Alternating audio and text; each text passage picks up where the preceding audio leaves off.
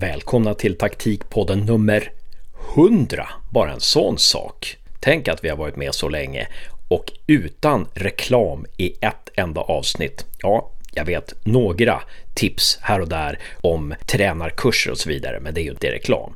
Jag heter Hasse Karstensen och jag ska leda nummer 100 tillsammans med panelen som består av Dali Savic, ettans bästa tränare förra året, Tobias Birgersson, erfarenhet av tränarjobb och sportchefsjobb i damallsvenskan och elitettan och Josef Carstensen, scout och analytiker vars uppsats om scouting har rönt stor uppmärksamhet.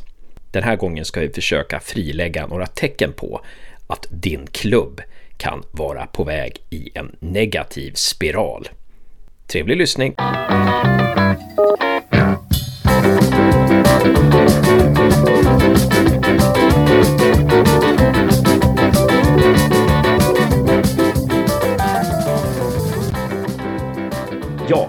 Till ännu ett avsnitt av Taktikpodden. Den här gången så ska vi prata om kanske någonting som, som eh, IFK Göteborg är indraget i, men det kan nog eh, relateras till andra klubbar också. Sunderland bland annat eh, är ett sådant exempel. Frågan idag är klubbar som hamnar i en negativ spiral. Finns det någon gemensam nämnare? När klubbar gör de här grejerna, då ska ni se upp. Tar ni de här besluten, det är ett tecken på att ni är på väg ner som en klubb. Vi kan väl hålla oss lite till IFK Göteborg där. Jag tänker till exempel, alltså det är fascinerande att man har tagit in tre ganska kvalificerade tränare. Det går ju inte att snacka om eh, någonting annat. Liksom. Att Mikael Stare är en av Sveriges bästa tränare. Roland Nilsson eh, hade U21-landslaget till svensk mästare med Malmö. Poya Asbaghi är, är ju nu U21-landslagstränare och eh, har väldigt gott renommé. Många säger att han är den bästa tränare de har haft. Eh, så det, det, är väldigt bra tränare och väldigt bra spelare. De tar in landslagsspelare, alltså Marcus Berg och och, eh, och allt vad de heter. Och bevisligen liksom, så borde den här klubben gå bra. Men under de senaste säsongerna, så oavsett vilka spelare det har varit, oavsett vilka tränare det har varit, så har det inte gått särskilt bra. Och då kan man ju fråga sig, finns det någonting i IFK Göteborg som vi kan relatera till Sunderland och till andra klubbar som, som liksom har varit på dekis. Gävle IF, Åtvidaberg kanske, eller Gais som kom femma i allsvenskan och åkte ur året efter. Alltså, är det någonting så här som har gjorts som har satt bollen i rullning? En sak som jag tänker på det är ju till exempel i IFK Göteborg, man har en ganska orutinerad sportchef som inte har varit sportchef förut. Man har ganska mycket folk i styrelsen också. Det sägs att styrelsen har ganska mycket makt och att de som inte kan så mycket om fotboll är de som börjar tycka till om fotboll. Det kanske är någon förklaring. Eh, finns det någon förklaring när det gäller rent taktiskt, att man har spelat för optimistiskt? Jag vet inte. Jag slänger ut frågan här, får vi se om någon av er har någon ingång. Vi börjar med Josef. Som jag tänker, som du började på, det är att det har varit väldigt tre kompetenta tränare ändå. Och om tränare på tränare på tränare misslyckas i en klubb, eller inte lyckas ha goda resultat, då måste ju problemet kanske sitta någon annanstans. För det kan inte bara vara tränarens fel. Då kopplar jag också till när vi pratade med David Wernersson för länge sedan i vår podd. Då han sa att många, det finns folk inom styrelser inom svensk fotboll som använder fotbollen som ett lekemannaspel nästan. Man vill vara runt fotbollen och idrotten för att det är status. Men eh, man tar vissa beslut som man kanske absolut inte hade tagit för sitt egna företag. Sen också fotboll, det är, det är väldigt hårt mot tränare att eh, bedömas på endast matcher. Det sker så mycket fram till och med matcherna och fotboll är bara 90 minuter. Problemet måste vara större än själva tränarna. Det är väl det min summa är utav det här. Ja, Tobbe? Eh, nej, men alltså jag tänkte bygga lite på det som Josef pratade om tränarna. Alltså, nu har inte jag någon insyn i IFK Göteborg och hur det funkar liksom, på styrelsenivå, så den tänker jag låta vara lite osagt. Men om man ska reflektera och titta lite på det som syns utåt och det vi ser, så är det ju det att IFK Göteborg för mig har alltid varit ett väldigt, ja men det är mycket 4-4-2 i grunden, alltså det här, nu, nu nämnde jag pratar siffror i det, men det är väldigt sådär, det är raka linjer liksom, man jobbar tillsammans, man är kompakt, man spelar gärna lite längre bollar, alltså det här hårt jobbande lag har varit under många år. Sen plockar man då in en tränare som Poja som kommer dit med en ny idé och vill sätta in en ny kultur i den här klubben på hur vi ska spela, ett arbetssätt och så, och så vidare och så vidare. Och sen när Poja inte får resultaten med sig, då byter man till Roland som har en annan typ av sätt att se på fotboll. Och sen nu plockar man in Stare som har ytterligare ett sätt att se på fotboll. Det jag tänker är lite gemensamt i detta är att du hittar liksom en riktig kontinuitet i vad du vill jobba med.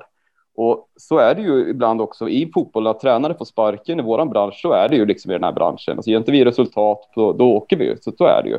Men frågan är om en av nämnarna är att man har valt tränare som tänker fotboll för olika, om ni förstår vad jag menar, och olika filosofier. Eh, det kan vara en taktisk grej, för det tar faktiskt lite tid. Jag vet, pratade, pratade om vissa tränare som tycker att men, tränare behöver inte tid för att sätta någonting. Jo, det tar tid att sätta saker och sätta en kultur tar definitivt tid. Och IFK har ju en grunden, en historik och en kultur som sitter väldigt hårt i väggarna hos dem. Och att förändra den tror jag tar väldigt lång tid. Så att jag vet inte om det är en kontinuitetsfråga som de behöver hitta i slutändan. För det som du säger, det som du sa, alltså det är bra spelare i den truppen. Det är landslagsspelare, det är allt det här. Och det är klart, de behöver också tid på sig att komma hem och anpassa sig. Jag kan tänka mig Marcus Berg pratar vi om, han kommit hem nu och spelar i allsvenskan. Jo, men absolut, men hur mycket ledigt har han haft? Om man ska vara helt ärlig och titta på. Han har spelat en hel säsong där han är van vid att spela höst till vår hela tiden. Han har spelat liksom ett, eh, ett mästerskap här nu så han har ett mästerskap med sig och sen ska han då rätt in i IFK Göteborg. Ska han, och så kräver folk att han ska prestera i allsvenskan. Jag tror att det där kommer ta tid. Och jag tror att klarar sig bara IFK Göteborg kvar och får behålla honom även för nästa år, då har man en erfarenhet med sig utav en sån spelare exempelvis, som då kanske kan komma in lite fräsch och uppvilad inför nästa säsong istället. Dali? Jag tycker Tobbe svarar på det allra mesta och jag håller med Tobbe i, i stort sett allting han säger. Det klubbarna måste ta hänsyn till. Det är, det är faktiskt det som inte finns och det är det här tid och tålamod. Ser man bara på året innan sommaruppehållet så är det sex tränare i superettan och fem tränare i allsvenskan som får lämna sina uppdrag. Och då har man inte spelat mer än 12 matcher. Och det är fortfarande 18 matcher kvar av, av serien. Jag vet att det är en resultatinriktad bransch och man måste vinna sina matcher på lördagen eller söndagen när man spelar. Men det är precis som Josef sa eh, när han introducerade ämnet också, det var att det sker ju saker under veckans gång och måste, man måste ha ge det tid och man måste ge tränaren tålamod att göra sitt arbete, eh, även om man bara vill ha resultatet till nästkommande match. Och det ni är inne på alla tre här är ju att de här 90 minuterna, det är ju, det är ju bara en liten del av allting. Och när Poja kommer in, han förändrar ganska mycket och det, det är ju inte bara det att han förändrar då för spelarna. Han förändrar ju för hela organisationen. Han förändrar ju för alla som jobbar runt laget också. Och alla måste anpassa sig kring det här. Och så kommer Roland Nilsson in och det blir ytterligare en förändring, inte bara för spelarna, utan för alla runt omkring klubben också. Istället för att man anlitar då under de här ett och ett halvt åren tre olika tränartyper så borde man ha fortsatt, om man, om man ville ha en förändring med Poja, att Göteborg ska spela en så kallad modernare fotboll, och han inte lyckades tillräckligt bra med sitt uppdrag för att resultaten inte var så bra, då borde man kanske ha rekryterat en liknande tränare att fortsätta på det spåret, men kanske med mer erfarenhet eller med mer kunskap, så att man inte hattar fram och tillbaka. Har man bestämt sig för en inriktning, då måste man gå den eh, inriktningen och ge den tid. Då kanske problemet är de som har tagit det här beslutet. Då, då kan man ju fråga sig om det är styrelse och där sitter ju också starka ekonomiska Eh, garanter som, som, som tycker på något vis. Och där har ju du, där har du sagt, där sa ju du Tobbe, då, liksom att, och jag vet att jo, även Josef har varit inne på att, att IFK är ett 4-4-2-lag, ett klassiskt 4-4-2-lag. Och då kommer Poja in och spelar på ett helt annat sätt och sen så vill man på något vis ha tillbaka det här gamla, för det är också det här, det kan man ju också se som en, kanske ett tecken på att en klubb är på dekis. Man vill ha, man tar tillbaka någon gammal tränare, alltså, eller spelare. Roland Nilsson är ju en gammal ikon i klubben. Eh, Stare har ju varit i klubben förut. Man, man, tar tillbaka det gamla på något vis i, i, i hopp om att eh, det ska bli som förut. Det, det kan ju också vara en, en, ett tecken på att det här är kanske inte så himla bra. Men nu kanske vi eh, är på väg åt fel håll. Nej, men det, det, är precis det du säger och du har väl ett annat lag i allsvenskan som ett typexempel. Du kan ta Kalmar FF, är ju ett sånt eh, lag där man plockade in då Magnus Persson till att börja jobba med sitt, fick inte resultat och det kanske fanns mer bakom. Jag säger absolut ingenting om den delen egentligen. Men man väljer då istället, och då plockar man tillbaka Nanne, för Nanne var det säkra kortet med ett SM-guld med sig, ett stort rykte i stan, liksom stort namn i klubben, liksom sådär.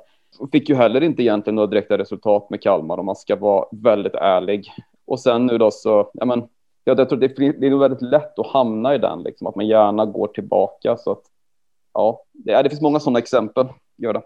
Ja, men alltså fotbollen har ju utvecklats och det spelas annorlunda idag än vad det gjorde för 10 år sedan och mm. framförallt för 20 år sedan. Och de spelarna som kommer upp i seniorlagen är annorlunda skolade och kräver en annan typ av tränare, en annan typ av filosofi, ledarskap som jag tror att de här gamla tränarna inte riktigt har hängt med. Jag säger inte att alla ska vara unga tränare i allsvenskan och superettan, för det krävs en erfarenhet och kompetens också. Men jag tror man måste börja titta på vad är det för spelare som kommer fram och vilka ledare och tränare behöver vi för att ta hand om de här.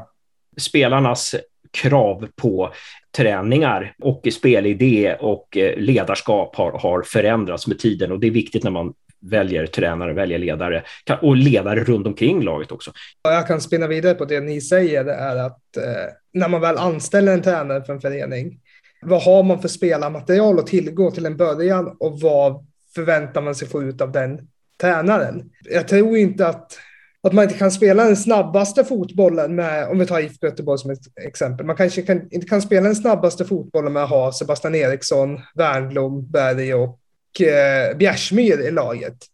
Eh, om man vill spela en snabb offensiv fotboll. Vad väljer man för tränare till det spelarmaterialet man valt att ta in? Stora namn kombinerat med stora namn behöver inte alltid vara en match made in heaven.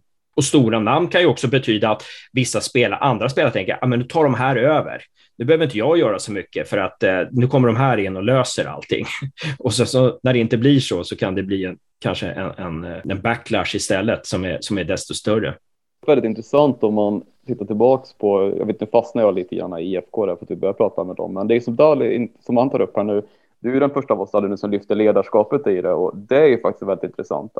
Att jag hade också gärna velat se, det hade varit kul att veta hur, jag känner liksom inte Poja på det sättet, så jag kan inte säga hur han är som ledare exakt med det man ser själv och det man har stött på eller sådär.